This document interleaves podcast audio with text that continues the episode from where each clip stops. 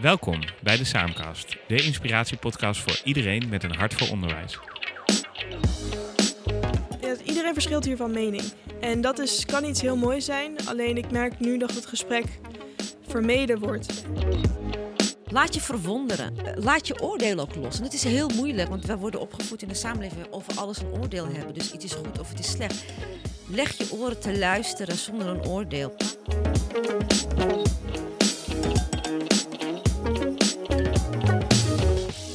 Vanuit het Pieter Nieuwland College in Amsterdam is dit de Saamkast. Onze gast van vandaag is oud-stadsdeelvoorzitter van Amsterdam-Oost, professioneel bemoeial en voormalig docent biologie Fatima Elatik. We spreken met haar over diversiteit en leiderschap in de klas. Mijn naam is Frank Maas van Goed Geschud en mijn sidekicks van vandaag zijn Sabine Mosman uit klas V5A, docent Bilan Dahir en de directeur van het Pieter Nieuwland College, Koen Bakker. En eh, ik begin even bij Fatima. Je noemt jezelf professioneel bemoeial. Waar bemoei jij je het liefst tegenaan? Ik bemoei me met alles wat eh, het leven van mensen in onze stad, in ons land eh, beter en mooier kan maken. En je, en je was net ook al een beetje aan het appen. Hè? Volgens mij was je je ergens tegenaan aan het bemoeien net voor de uitzending. Kan je er iets over vertellen? Ik ben een stageplek aan het zoeken voor een dame die vierdejaars MBO 4 juridisch administratieve stage moet lopen voor een jaar. Die had al een stage. Heeft ze ingediend voordat ze op vakantie ging. En toen ze net terugkwam van vakantie, kreeg ze te horen dat die stage niet goedgekeurd is. En dat ze vooralsnog heel snel een stageplek moet hebben. Vandaag uiterlijk en anders kan ze niet meedoen aan het jaar. Dus dan flip ik alle kanten op. Uh, omdat dan het systeem heiliger wordt gesteld dan zeg maar het individu, wat eigenlijk ontzettend goed is. Uh, en eigenlijk het werk waarvoor ze opgeleid wordt al doet. Dus ik ben nu met man en macht uh, via mijn eigen netwerk een stageplek aan het regelen voor haar. Om te kijken of ze voor vijven een plek kan vinden. En anders is haar jaar voorbij voordat het begint. Zo. En dit, dit gaat mijn hoofddoekje te boven gewoon. Dit snap ik niet. En ik heb het idee dat als jij ergens je tanden inzet, dat het gaat lukken, of niet? Soms, soms ook niet, moet ik eerlijk nee. zeggen, omdat het systeem ook soms heel erg hardnekkig is. En dan heb je medestanders nodig die tegen jou zeggen: Weet je wat, ik ga samen met jou die muur slopen. Ja. Ja. Dus ik hoop dat de medestanders opstaan vandaag. Ja. Daar, daar, ga ik vanuit en daar gaan we naar op zoek in ieder geval. Um, een van de gasten die naast jou zit is uh, Sabine. Heel leuk dat je vandaag aanschuift bij de Zaamkast. En we zitten hier dus op het Pieter Nieuwland. Um, ja, wat voor soort school is dat eigenlijk? Kan je er iets over vertellen? Uh, nou, het is een best wel, ja, ik vind het een redelijk gemengde school. Het is uh, veel naschoolsactiviteiten, ja, goed onderwijs, veel ja, extra dingen. Uh, ik vind dat je heel best wel veel leert naast uh, de officiële vakken. Dus ja, dat een beetje. En wat vind je minder leuk aan de school? nou, ik vind... Ja, huiswerk is toch altijd een dingetje. Oké. Okay. En, we, en we hebben het vandaag over diversiteit. Um, is dat voor jou überhaupt een onderwerp... of maakt het jou eigenlijk niet, niet zoveel uit? Nee, het maakt me niet zoveel uit. Maar je ziet nog wel uh, restanten van een, geleg, ge, wow, een redelijk uh, gesplitste um, samenleving, school. Dus je ziet nog wel sporen daarvan. En waar, waar heb je het dan bijvoorbeeld over? Wat voor sporen? Nou, bijvoorbeeld na school zie je toch wel dat grote vriendengroepen toch eigenlijk allemaal Nederlanders zijn. Of mensen met een andere afkomst. Ja. En dat vind ik toch wel fascinerend, want ik weet eigenlijk ook niet waar, hoe dat komt. Ja. Maar je, het gebeurt wel. Ja, en vind je dat jammer? Ja, eigenlijk wel. Maar ik zou ook niet weten wat eraan, wat eraan zou kunnen gebeuren. Ja. Is dat naast jou zit uh, Bilan, hè, docent uh, hier op school. Um, hoe, hoe, divers is het team uh, op deze school eigenlijk? Uh, ja, ik, hiervoor kom ik uit een VMBO-school en dat was super divers. Uh, ik geloof dat we van elke etnische afkomst wel één of twee hadden. Uh, deze school qua docententeam is niet heel erg divers. Uh, maar de leerlingen, dat is echt wel heel typisch Amsterdams. Ontzettend uh, divers. ja, gewoon echt een afspiegeling van de samenleving. En we zijn ook een school in Amsterdam-Oost. En nou ja, alles loopt hier wel rond. Maar qua docententeam is het niet heel erg gemengd. En, en is, dat, is dat een probleem of, of maakt het eigenlijk niet uit? Uh, ja, is dat een probleem? Ik denk niet dat het per se een probleem is, maar uh, ik weet zelf toen ik vroeger op school zat, dat ik het wel leuk had gevonden als er een docent rond zou lopen waar ik me in zou kunnen herkennen. Ja, want even Eh. voor, de, voor de luisteraars thuis, eh, hoe ziet zo'n docent eruit? Oh, nou ja, eh, ik kom oorspronkelijk uit Somalië. Eh, docent hoeft uiteraard niet Somalisch te zijn, maar ik denk dat het wel leuk is dat je ziet van hé, hey, eh, als ik later klaar ben met mijn HAVO of met mijn VWO, kan ik lerarenopleiding doen en ik kan dan ook docent zijn. En ik denk dat je de neiging sneller hebt als je een docent tegenover je hebt die ook zeg maar uit een oorspronkelijk uit een ander land komt. Dus ik denk voor de lerarenopleiding zou het eh, zeker goed zijn als je, ja, dan trek je ook eh, kinderen aan eh, op de HBO's en op de universiteiten die eh, toch iets diverser zijn. En eh, Koen, hè, jij bent de gastheer eh, vandaag hier eh, op het eh, Pieter Nieuwland. Kan je iets vertellen over wat jouw droom is voor het Pieter Nieuwland? Ja, dat is een goede vraag, want ik ben hier net, zoals je zei. Ehm, kijk, als je een, een droom wil hebben, dan moet je ook eerst goed weten natuurlijk eh, eh, wat de huidige situatie is. En, eh, ik ben me nu aan het inwerken en aan het inleven in wat er op school allemaal precies gebeurt. Wat ik zie is dat het Pieter Nieuwland een school is die van een vrij homogene samenstelling aan het veranderen is in een diverse samenstelling. En nou, dat is nu al zo ver gevorderd dat je kan zeggen dat eh, die diver- diversiteit is echt een eh, item bij ons op school. Ehm, nou, dat betekent eigenlijk dat eh, die inclusiviteit waar we het straks over gaan hebben, die moet je als school gaan waarborgen, moet je gaan inbouwen. En ehm, mijn droom is daarbij dat dat een proces wordt waarbij alle docenten zich kunnen aansluiten, maar zowel, en alle medewerkers. En dat we dat als een, ehm, eh, een mooie vernieuwingsfase zien van deze school, waarbij je eigenlijk accepteert eh, dat de school staat in een eh, gebied waarin dit de populatie is die daar woont. En dat is ook de populatie die je gaat ontvangen op school. Eh, en die- acceptatie, hè, want je zit in een veranderingsproces, die acceptatie is nu heel belangrijk. Eh, dat je ervan uitgaat dat je er trots op kan zijn dat als je deze populatie eh, goed eh, weet onder te brengen in de maatschappij, goed weet verder te brengen, eh, dan ben je al een heel eind. Eh, en zover zijn we gewoon ook nog niet altijd. Hè. Dus het is nog steeds ook zo dat we zoekende zijn van eh, ehm, eh, hoe gaan we om met die diversiteit en is dit wel onze toekomst? Die vraag wordt ook nog wel eens gesteld.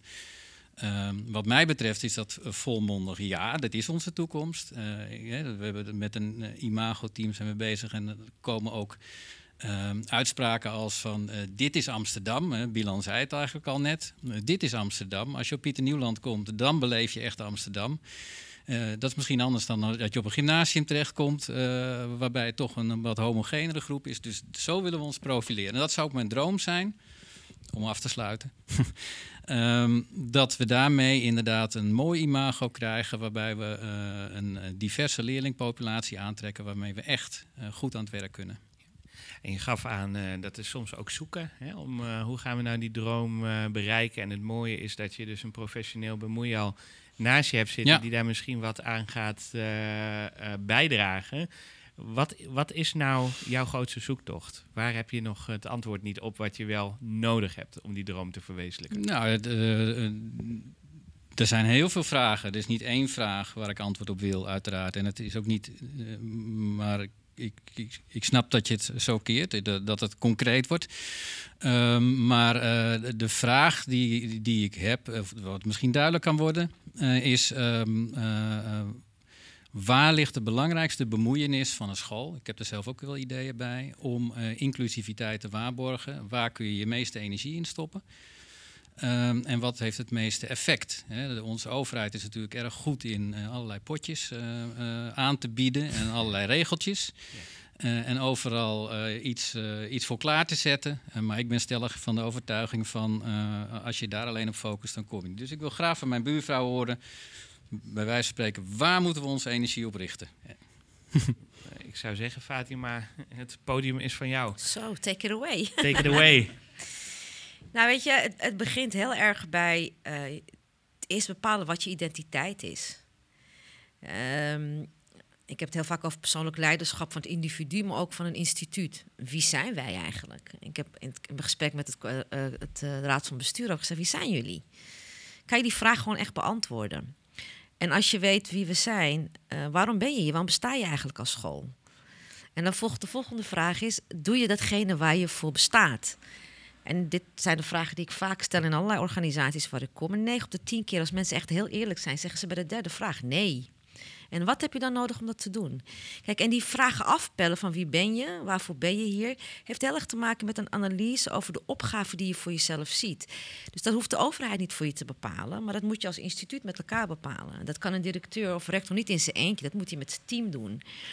En dat echte gesprek voeren zonder waardeoordelen of iets dom is als je het zegt of fout is. Maar gewoon het gesprek voeren van kijk nou eens om ons heen mensen. Kijk, alle, elke individu in dit systeem van deze school. Kijk, ik neem even het schoolgebouw als voorbeeld.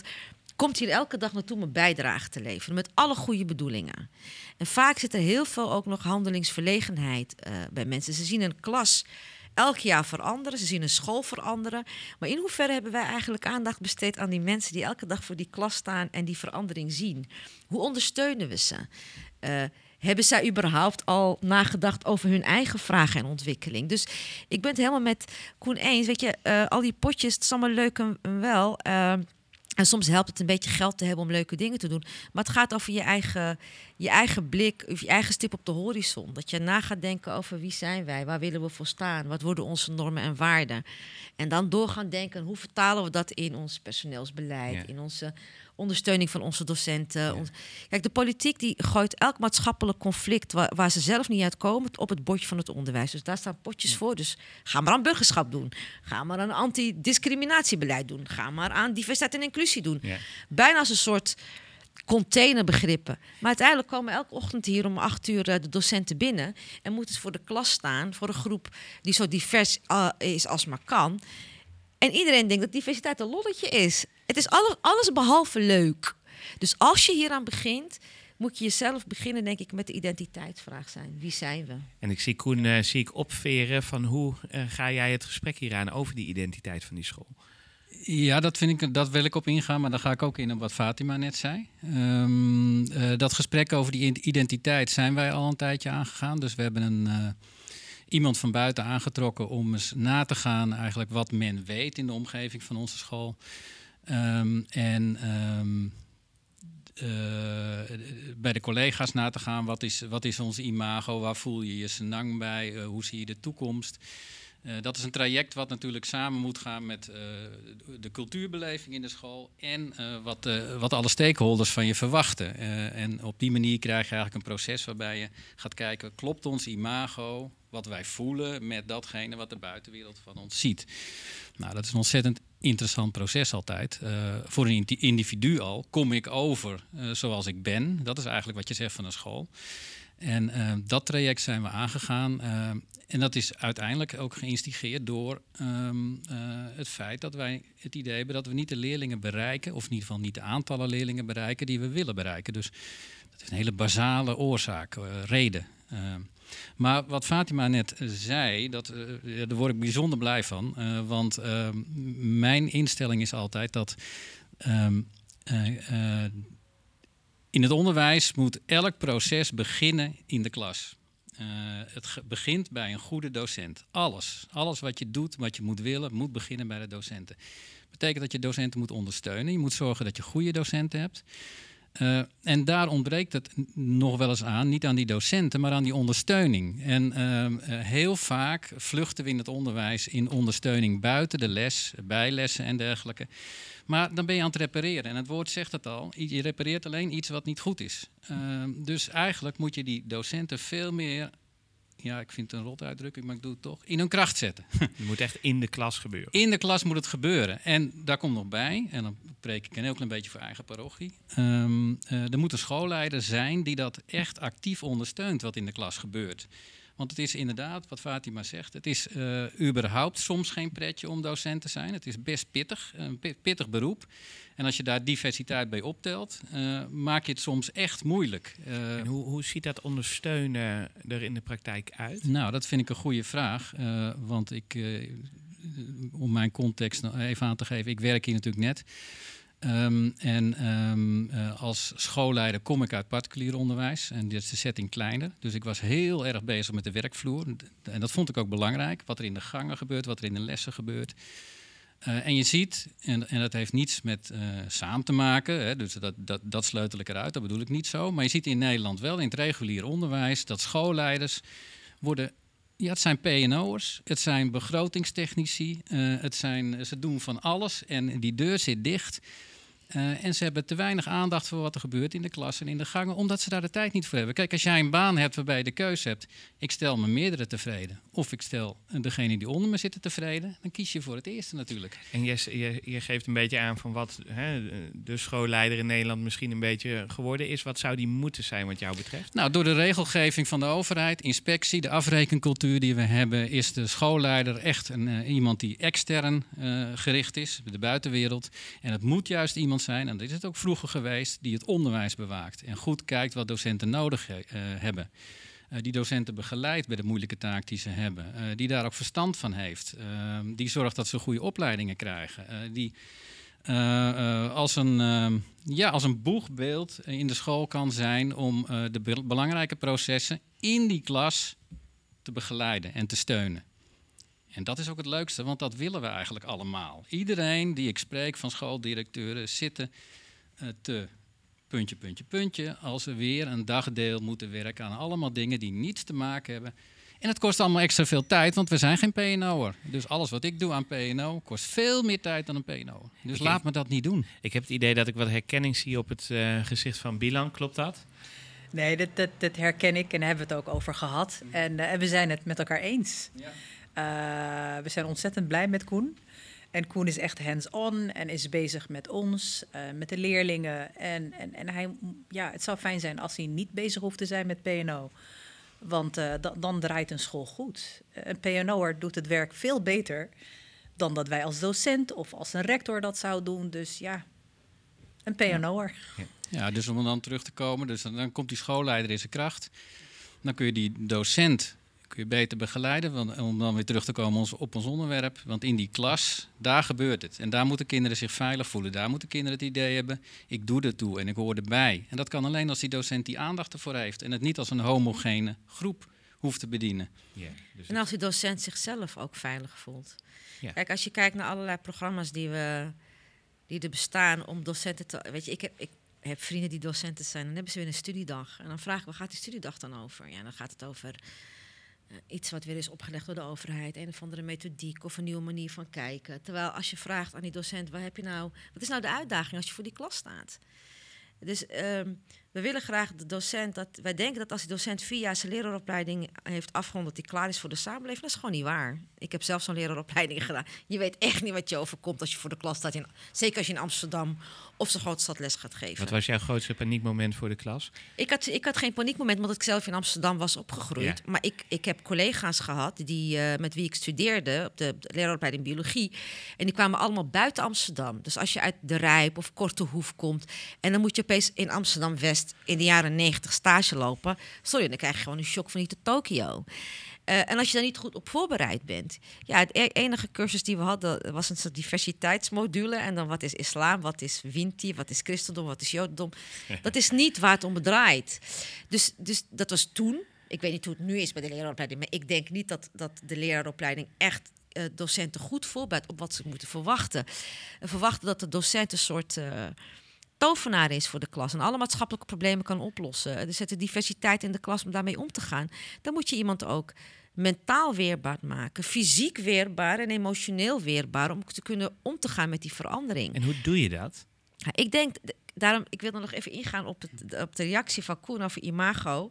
Kijk, imago is iets anders dan identiteit. Kijk, identiteit is wie ik ben. Imago is hoe ik overkom. Nou, ik heb daar persoonlijk heel veel ervaring mee. Weet je, wat ik ben en wat mensen denken als ze me zien, zijn twee verschillende dingen. Dus dat, dat echte diepe gesprek over identiteit, wie zijn we? Het echt doorvoelen.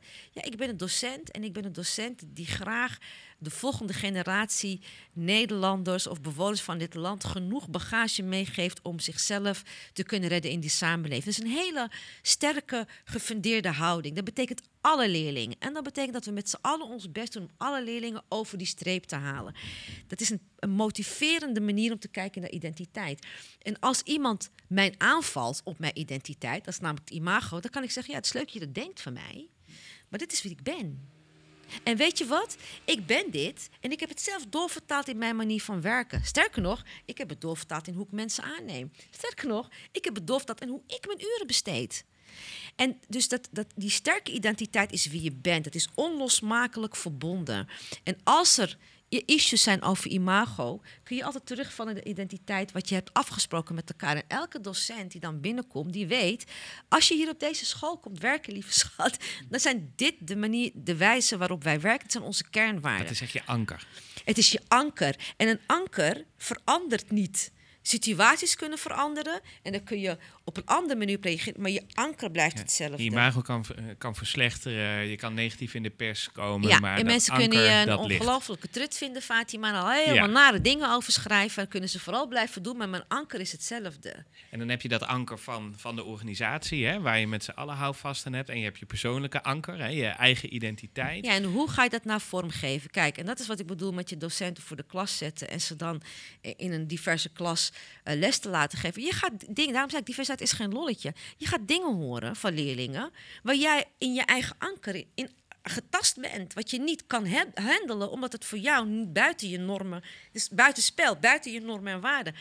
En dan moeten we onze docenten ook voorbereiden. Hoe ga je dat gesprek dan aan? Moet je dat juist opzoeken als docent? Je hoeft het niet op te zoeken, het dient zich wel aan. Als je echt een docent bent die verbonden is, dan dient het zich aan. Kinderen praten, kinderen, de, de kinderen van nu krijgen zoveel informatie. Ze worden doodgegooid met informatie, overprikkeld.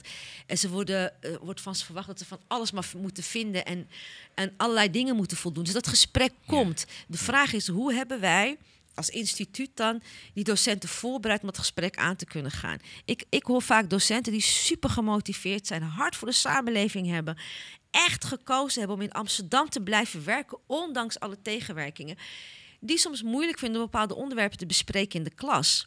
En ik snap dat. En dan moeten we gaan nadenken, hoe zorgen we nou dat we die docent En ondersteunen? wat voor onderwerpen bijvoorbeeld? homoseksualiteit. Ik noem maar een onderwerp. Er In heel veel scholen is dat heel lastig te bespreken, omdat sommige kinderen dat A van huis niet meekrijgen, allerlei beelden erover bestaan, waardoor er allerlei vooroordelen. En hoe doe je dat nou op een goede manier zonder dat het een soort gevecht wordt in de klas? Ik denk dat je op dat soort momenten echt moet kunnen terugvallen op één, je anker. Ja. Twee, op het team van collega's en de directie die snapt dat dit niet het makkelijkste gesprek is. En die zegt, dit gaan we met z'n allen doen. En als ik naast me zit, Sabine, hè, die, die is hier een leerling. Van, ehm, worden onderwerpen zoals homoseksualiteit of ook waar je vandaan komt, verschillen tussen identiteit, eh, wordt dat besproken hier in de klas? Ehm, nou, over homoseksualiteit en de LGBTQ community wordt, ehm, merk ik toch wel dat het gesprek een beetje vermeden wordt. Want ik merk, er zijn toch wel ehm, discussies en mensen zijn het niet helemaal met elkaar eens op deze school.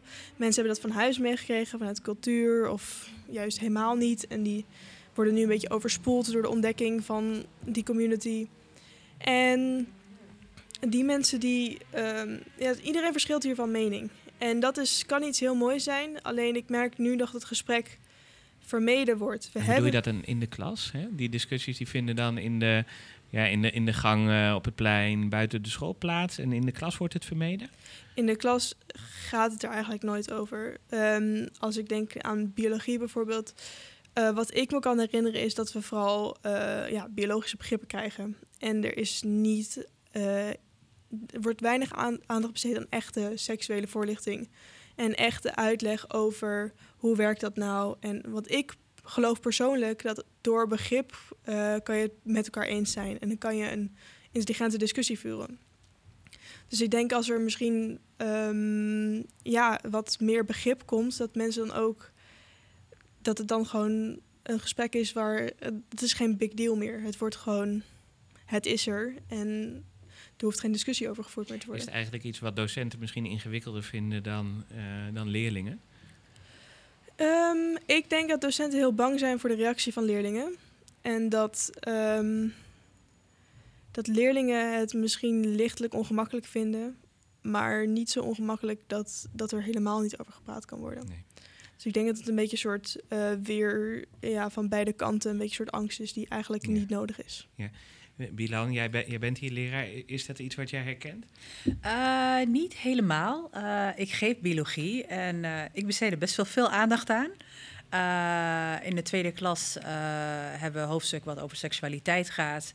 En nou, er zijn ook echt een aantal paragrafen die ook over homoseksualiteit en verschillende vormen. En nou, ik besteed er best wel veel aandacht aan. Eerlijk gezegd ook nog eens extra omdat ik zelf islamitisch ben. Eh, vind Want- ik. Want waarom extra? Omdat Nou je ja, om, om, om, omdat er bij, eh, trouwens niet alleen bij moslims, maar ook bij kinderen die best wel eh, ja, heel erg christelijk zijn of erg joods, een beetje het idee leeft van nou, dat is een onderwerp waar we liever misschien niet over willen praten. Ehm, nou, het, het, het mag niet, staat in de Bijbel, staat in de Koran, staat in de Torah. Eh, daarom vind ik het extra belangrijk dat ik de aandacht aan besteed. En eh, Paarse Vrijdag, eh, nou, ik heb al een paar keer een prijs gewonnen.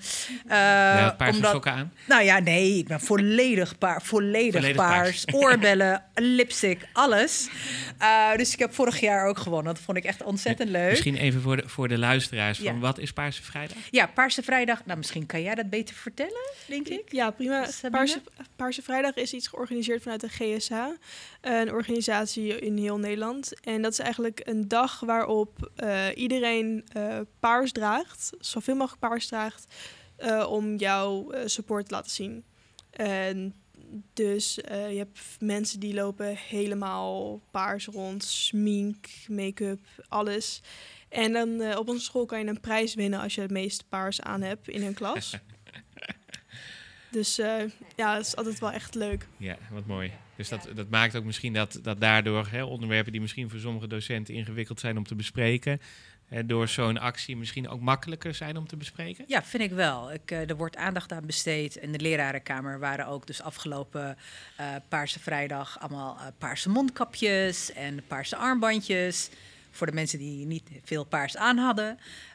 En wat ik net al zei, tijdens biologie besteed ik daar dus aandacht aan. En wat het wel leuk is, ik zorg sowieso voor dat hoofdstuk begint, voortplanting, seksualiteit. dat het heel duidelijk is dat er een veilige omgeving moet zijn. Kinderen moeten zich op hun gemak voelen. Eh, duidelijke afspraken van nou, wij veroordelen elkaar niet. Eh, iedereen kan een andere mening hebben, dat is echt geen enkel probleem. Eh, maar dat er wel wederzijds respect is naar elkaar toe. Eh, dan pas kan je namelijk zo'n onderwerp bespreken. Eh, überhaupt, of het nou homoseksualiteit is of hetero's, überhaupt dit Ja. onderwerp. En dat zijn tieners, er wordt gegiecheld. Ja. Eh, dus dat onderwerp vind ik dus ontzettend belangrijk. Ik bespreek het en wat dat grappig is, dat aan het einde van de les komen er vaak kinderen naar mij toe. "Hè, Juf, juf, eh, maar echt, wat vindt u echt? En die vind ik wel leuk. Wat dat ze zeggen van juf nou, nu zijn die andere kinderen weg, hè, wij even moslims onder zegt u elkaar. dan? Wat vindt u echt? Dan zeg ik, liefde is liefde. Nee, maar juf, echt. Dus dat vind ik wel echt wel heel... Het is eh, toch haram? ja, het is toch haram? Dan zeg ik van nou, nee, eh, God maakt geen fouten. Nee. Die gooi ik er sowieso standaard Precies. in. Ik denk, ja, nou, dat zal wel heel erg zijn. Want dan zeg je nu dat God een fout heeft gemaakt. Nou, dan gaan we het ook helemaal religieus eh, aanpakken. Dus ik heb dan wel hele leuke gesprekken altijd naar zo'n les. Dat er dan wel twee, drie naar mij durven te komen van nou, maar Ja. vertel nu eens. Ehm, en dat ze zich veilig ook voelen om het Ja. te vragen. Dat vind ik ook wel heel fijn.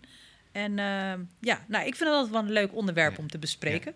En, en, en Fatima, hè, want, want Sabine vertelt ook van, eh, nou het is ook wel, het zijn ook onderwerpen die uit de weg worden gegaan, hè, moeilijke onderwerpen in de klas. Ehm, Snap ik wel. eh, Bilan vertelt ook hoe, hoe het wel kan. Ehm, hoe kan je nou in een school een cultuur creëren, is misschien een hele grote vraag, waarin dat soort onderwerpen wel besproken worden, hè, waar die openheid er is. Ik zou het eigenlijk wel een uitdaging vinden om een keer zo'n gesprek met de docenten onderling gewoon te voeren. Eens kijken wat voor diversiteit aan opinies over dat onderwerp al bij de docenten onderling in de lerarenkamer ontstaat.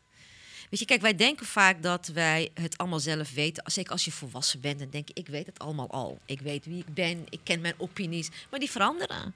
Ik ben, ik ben nu 48 en als ik soms kijk naar mijn interviews van toen ik 24 was, dacht ik, oh, toen dacht ik ook dat ik alles wist.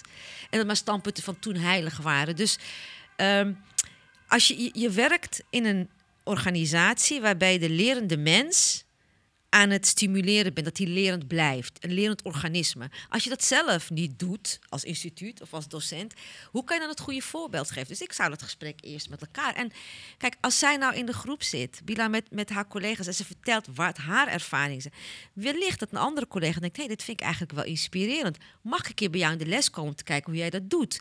Want we, moeten, we doen net alsof handelingsverlegenheid, wat we allemaal hebben als individu, dat dat niet bestaat. Weet je, de perfecte leraar bestaat niet. De beste leraar, dat is leuk, mooie prijs, maar de perfecte leraar bestaat niet. Laten we dan elkaar de ruimte geven om datgene waar ik goed in ben, dat te delen met jou. En datgene waarin ik slecht ben en jij heel goed, dat je mij dat leert. Ongeacht welke vak we geven.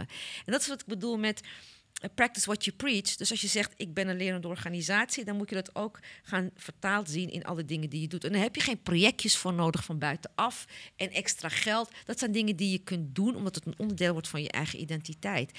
En dan kun je het moeilijke gesprek aan. En dan kan je ook een docent leren. Het is ook heel normaal om een afwijkende opinie in je klas te horen. Maar hoe reageer je erop? Dat je dus van iemand iets hoort, een leerling, van dingen die je echt tegen de borst stuit. Dat je bijna denkt, ik kan niet ademen dat dit kind het durft te zeggen. Maar het is wel een kind. Dus is het ook als je dat gesprek niet eens in de lerarenkamer stimuleert en voert, dan is het ook heel ingewikkeld om dat in de les te Ja, natuurlijk is dat eng. Dan zie je best allemaal leerlingen van 16 of 15 die super puberaal zijn en hormonaal en overtuigd van hun gelijk. En met alle gelijk van de wereld gewoon proclam, weet je, gewoon uitroepen waar ze voor staan. En dan moet je als docent gaan bedenken, hoe haal ik dit uit zijn hoofd? Want dat is wat je denkt, want het staat je tegen de borst. Want zo hoor je niet te denken. Hoezo zo hoor je niet? Hij denkt toch zo? En wat kunnen we dan doen om die gedachten van zo'n kind dan helemaal uit te pluizen? Hoeveel tijd hebben we ervoor nodig en hoe gaan we dat doen? Nou, en ik denk dat je die ervaring met elkaar moet kunnen delen. Want het is echt niet leuk. Ja, zeker een goed idee. En ik neem hier bij de uitnodiging van eh, Fatima aan dat ze een keer met ons docententeam kon praten. Want zo heb ik het oh. gehoord net. Oké. ik kom met liefde helpen. Ik hoorde hem ook zo. Ja. Oh, oké, sorry. dus uh, nee, zonder gekheid. Het zou mooi zijn. Uh, inderdaad. Ik, ik denk dat, dat, dat je onderling... kijk, je leert voornamelijk van elkaar. Hè? Dat gebeurt in de klas. Dus we hebben het ook over inclusiviteit. leerlingen leren onderling veel van elkaar. Dat, dat zou mooi zijn. Uh, maar docenten leren onderling ook veel van elkaar. Uh, en dat proces is, is wat verstomd ook, vind ik zelf. omdat voor opleiding ga je naar een instituut. Hè, want daar is ook weer een potje voor. Het wordt een beetje eentonig, maar ik bedoel dat niet zo. Maar uh, terwijl hier in school liggen genoeg mogelijkheden tot opleiding. Uh, door te leren van elkaar. Door inderdaad soms gewoon dat gesprek te voeren. Wat wij hier nu voeren, hè, dat is, is al zo leuk om te horen wat Bilan nu vertelt. Hè. Dat zou ik nooit zomaar horen als er geen microfoon bij haar stond. Uh, want, het, want dan hebben we MT-overleg en dan gaan we niet zomaar even dit bespreken. Maar dus als je dat kan uh, anseneren, als je daar ruimte voor kan maken, uh, en die ruimte is er wel, om met elkaar erover te praten, nou, dan ben je al een heel eind op weg. Want er zijn genoeg mensen die goed weten hoe je met inclusiviteit om moet gaan, of met leerlingen met, met een achterstand of whatever. Hè, dus, en, en, en, en docenten die, die dat minder goed goed weten. Die moet je aan elkaar koppelen. En, en vice versa. Er zijn er ook weer docenten die heel goed weten hoe je uh, cognitief uh, bij leerlingen aansluit bij de zone van de naaste ontwikkeling. En anderen vinden dat weer moeilijk. Nou, en, en dat is het mooiste. Dat is ook de inspiratie die in een school kan opleveren natuurlijk. Nou, gaaf. Dus, dus hier ontstaat al wat. Hè? Hier is al een concrete afspraak ook gemaakt om dat uh, gesprek te gaan organiseren. Um, er is ook nog iemand anders die uh, ja, advies kan gebruiken. En dat is uh, Barbara Dijkgraaf. Dat is de voorzitter van het college van bestuur van de koepel van Zaam. En die heeft ook een vraag voor jou. En uh, daar gaan we even naar luisteren. Hi Fatima, ik heb een vraag over de diversiteit van onze teams. Wat we zien is dat de teams op de scholen vaak geen afspiegeling zijn van de leerlingpopulatie, terwijl we dat wel belangrijk vinden. Hoe kunnen we ons daarin verbeteren? Wat wil je ons daarover meegeven? Ha. Het wervingsbeleid van, uh, van onderwijs uh, ten aanzien van docenten met diverse achtergrond? Ja, dat is wel een goede vraag. Hè? Wat, hoe, hoe kom jij docenten? Moet je gaan kijken naar hoe je werving nu gaat. Um, hoe adverteer je? In welke netwerken breng je je vacatures rond?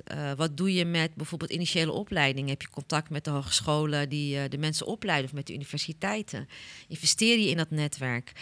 Um, ik krijg heel vaak gewoon via WhatsApp vacatures van mensen die eh, op zoek zijn naar docenten. En dan stuur ik het waarschijnlijk in een heel ander netwerk dan waarschijnlijk waar jij het naartoe stuurt. Dus maak dan ook optimaal gebruik.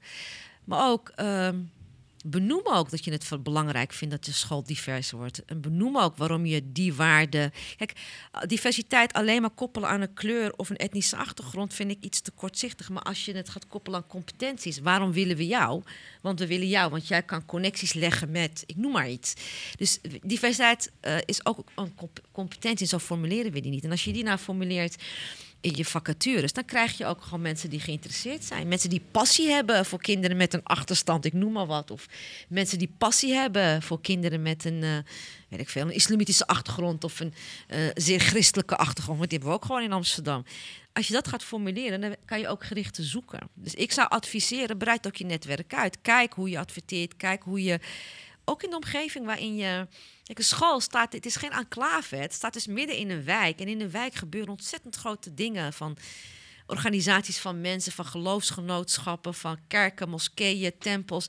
Als je je netwerk uitbreidt, dan breid je ook je voedingsbodem uit van informatie naar jou toe. Maar ook de informatie die je daar weer kunt neerleggen. En dat betekent, geldt ook voor het uh, hebben van vacatures en het werven van docenten of alle andere personeel. Hè? Dus de uitdaging, Koen, het uitbreiden van het netwerk, de stad in. Kan je daar wat mee? Um, goeie vraag. Nou, dan, dan vraag ik straks nog even door bij Fatima. Want dan kan ze mij misschien wat ingangen geven. Hoe dat uh, anders kan dan de reguliere kanalen waar we allemaal direct uh, naar grijpen. En dat is meesterbaan en dat soort dingen. Dus misschien zit, moeten we daar wel eens uh, omheen gaan kijken. Uh, maar ik denk dat als je een laag dieper graaft, uh, zit er misschien ook nog een ander probleem. Uh, ligt daaraan ten grondslag. Maar misschien weet je dat beter dan ik.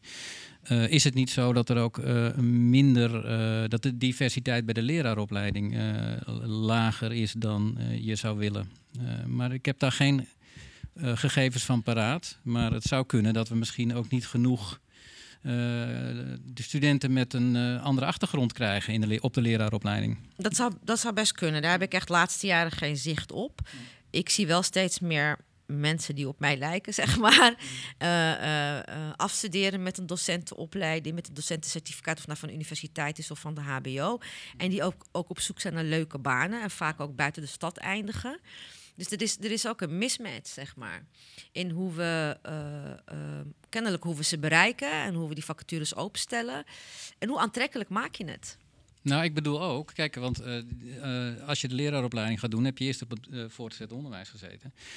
als je daar geen leuk beeld van hebt, hoe docenten omgegaan zijn met jou, dan is het ook niet zo waarschijnlijk dat je docent wil worden. Dus, nou, zeker nog, ik heb heel veel vrienden die docent zijn. En de meeste van mijn vrienden die docent zijn geworden, die zijn het geworden omdat ze juist vanwege de nare ervaringen hebben gedaan. En ik ga het anders doen. Weet je, want ik wil de komende generaties anders meegeven. Dus de motivatie is juist van op basis van onze ervaringen willen we het beter doen.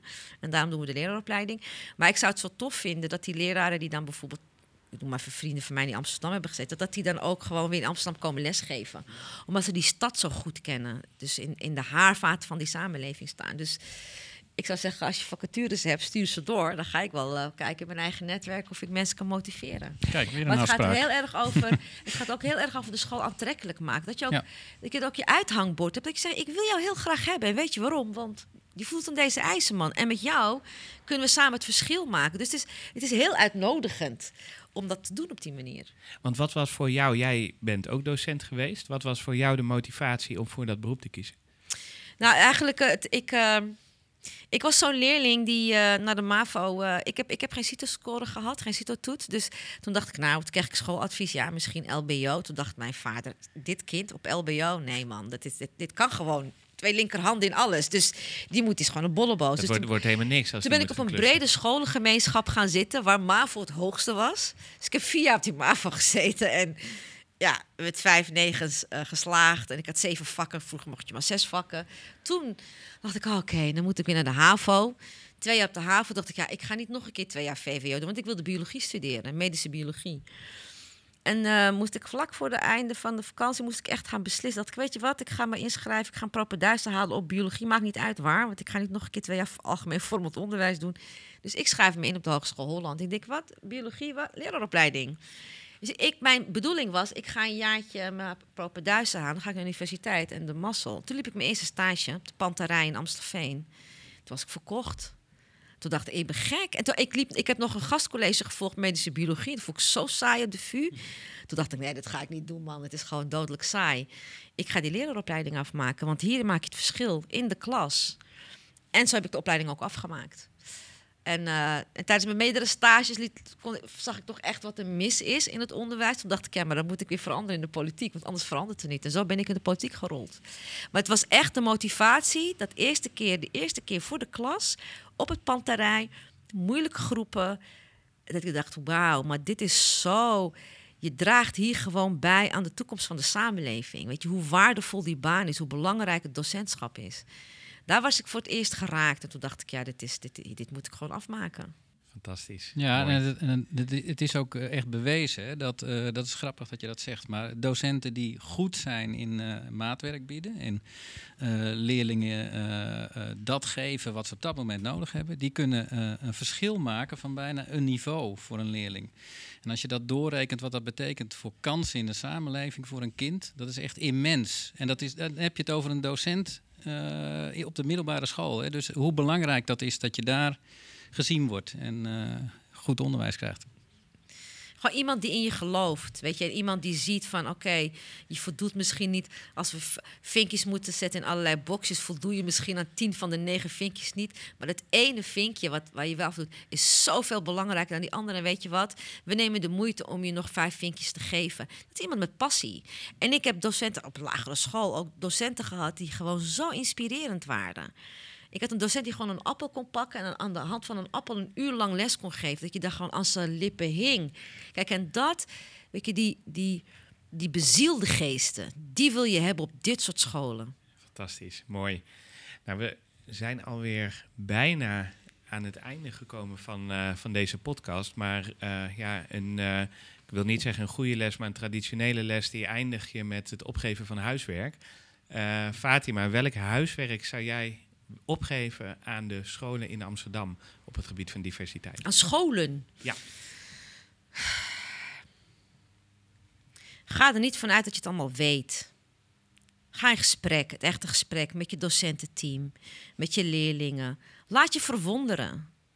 Weet je, dus eh, laat je oordeel ook los. En het is heel moeilijk, want we worden opgevoed in de samenleving over alles een oordeel hebben. Dus iets is goed of het is slecht. Leg je oren te luisteren zonder een oordeel. Praat met je docenten. Praat met die docent die altijd stil is in de groep. Als je in de lerarenkamer zit en je ziet een docent die stil en die luistert, ga daar eens mee praten. Uh, als je een leerling ziet op een schoolplein of in de kantine of op school die altijd stil is, ga daar eens mee praten. Dat zijn de, dat, dat zijn de waarnemers. Dat zijn de mensen die observeren, die zien alles. Um, maar vooral laat je verwonderen en stel jezelf de essentiële drie vragen. Wie ben ik? Waarom ben ik hier? En doe ik datgene waarvoor ik hier ben? Ik heb mezelf als individu, als mens, die vragen gesteld en die vragen hebben mijn leven omgeturnd. Dus dat is wat ik wil, wil meegeven. Weet je, wees niet bang voor imago. Maak je zorgen om een niet verankerd identiteit. De rest komt wel. Mooi. Dus laat je verwonderen. Mooi. Um... En de stageplek is waarschijnlijk maandag krijg ik te horen of het gelukt is. Maar ik denk dat het gelukt is. Fantastisch. Dat is We doen mooi. de weef. Ja, zo even aan, aan het eind van de podcast. Hè, de, de bemoeial heeft het weer voor elkaar gekregen. de stageplek is geregeld. Ja. Um, nog even een, een, laatste vraag aan Koen. Hè? Onze, onze volgende gast, want dit is een reeks uh, podcasten. Dat is ontwikkelingspsycholoog en systeemtherapeut Steven Pont. En Steven is daarna schrijver en opiniemaker en houdt zich bezig met de vraag hoe individu en omgeving elkaar beïnvloeden. En wij gaan hem spreken over ontwikkelingen, wat leerlingen moeten leren en hoe we leren weer aantrekkelijk kunnen maken. Wat is een vraag die jij hem zou willen stellen? De eerste vraag die mij opkomt is hoe uh, hij als ontwikkelingspsycholoog de ontwikkelingen in het onderwijs ziet. Uh, waarbij um, uh, steeds meer ja, onderwijskundige eigen richting wordt gegeven aan kinderen. en um, waarbij de docent steeds minder in dat proces direct aanwezig is. Dat is uiteindelijk ooit begonnen als onderwijsvernieuwing, waarbij kinderen meer autonoom en met meer metacognitie moeten kunnen leren. En ehm, de maatschappelijke discussie die je nu hebt, is die niet te ver doorgeschoten? Hebben kinderen niet veel meer behoefte aan eh, eh, iemand in de klas die vertelt hoe het moet? Eh, even het uiterste weer weer te geven. En ik zou van hem willen horen dan ehm, hoe hij dat ziet en waar het midden ongeveer ligt volgens hem. Mooi. Dankjewel. We gaan het hem vragen en eh, je gaat het horen. Ehm, voor nu, Fatima, Koen, Sabine en Bilan, heel veel dank voor jullie aanwezigheid. En Stefan, dank voor de techniek. En eh, tot de volgende keer.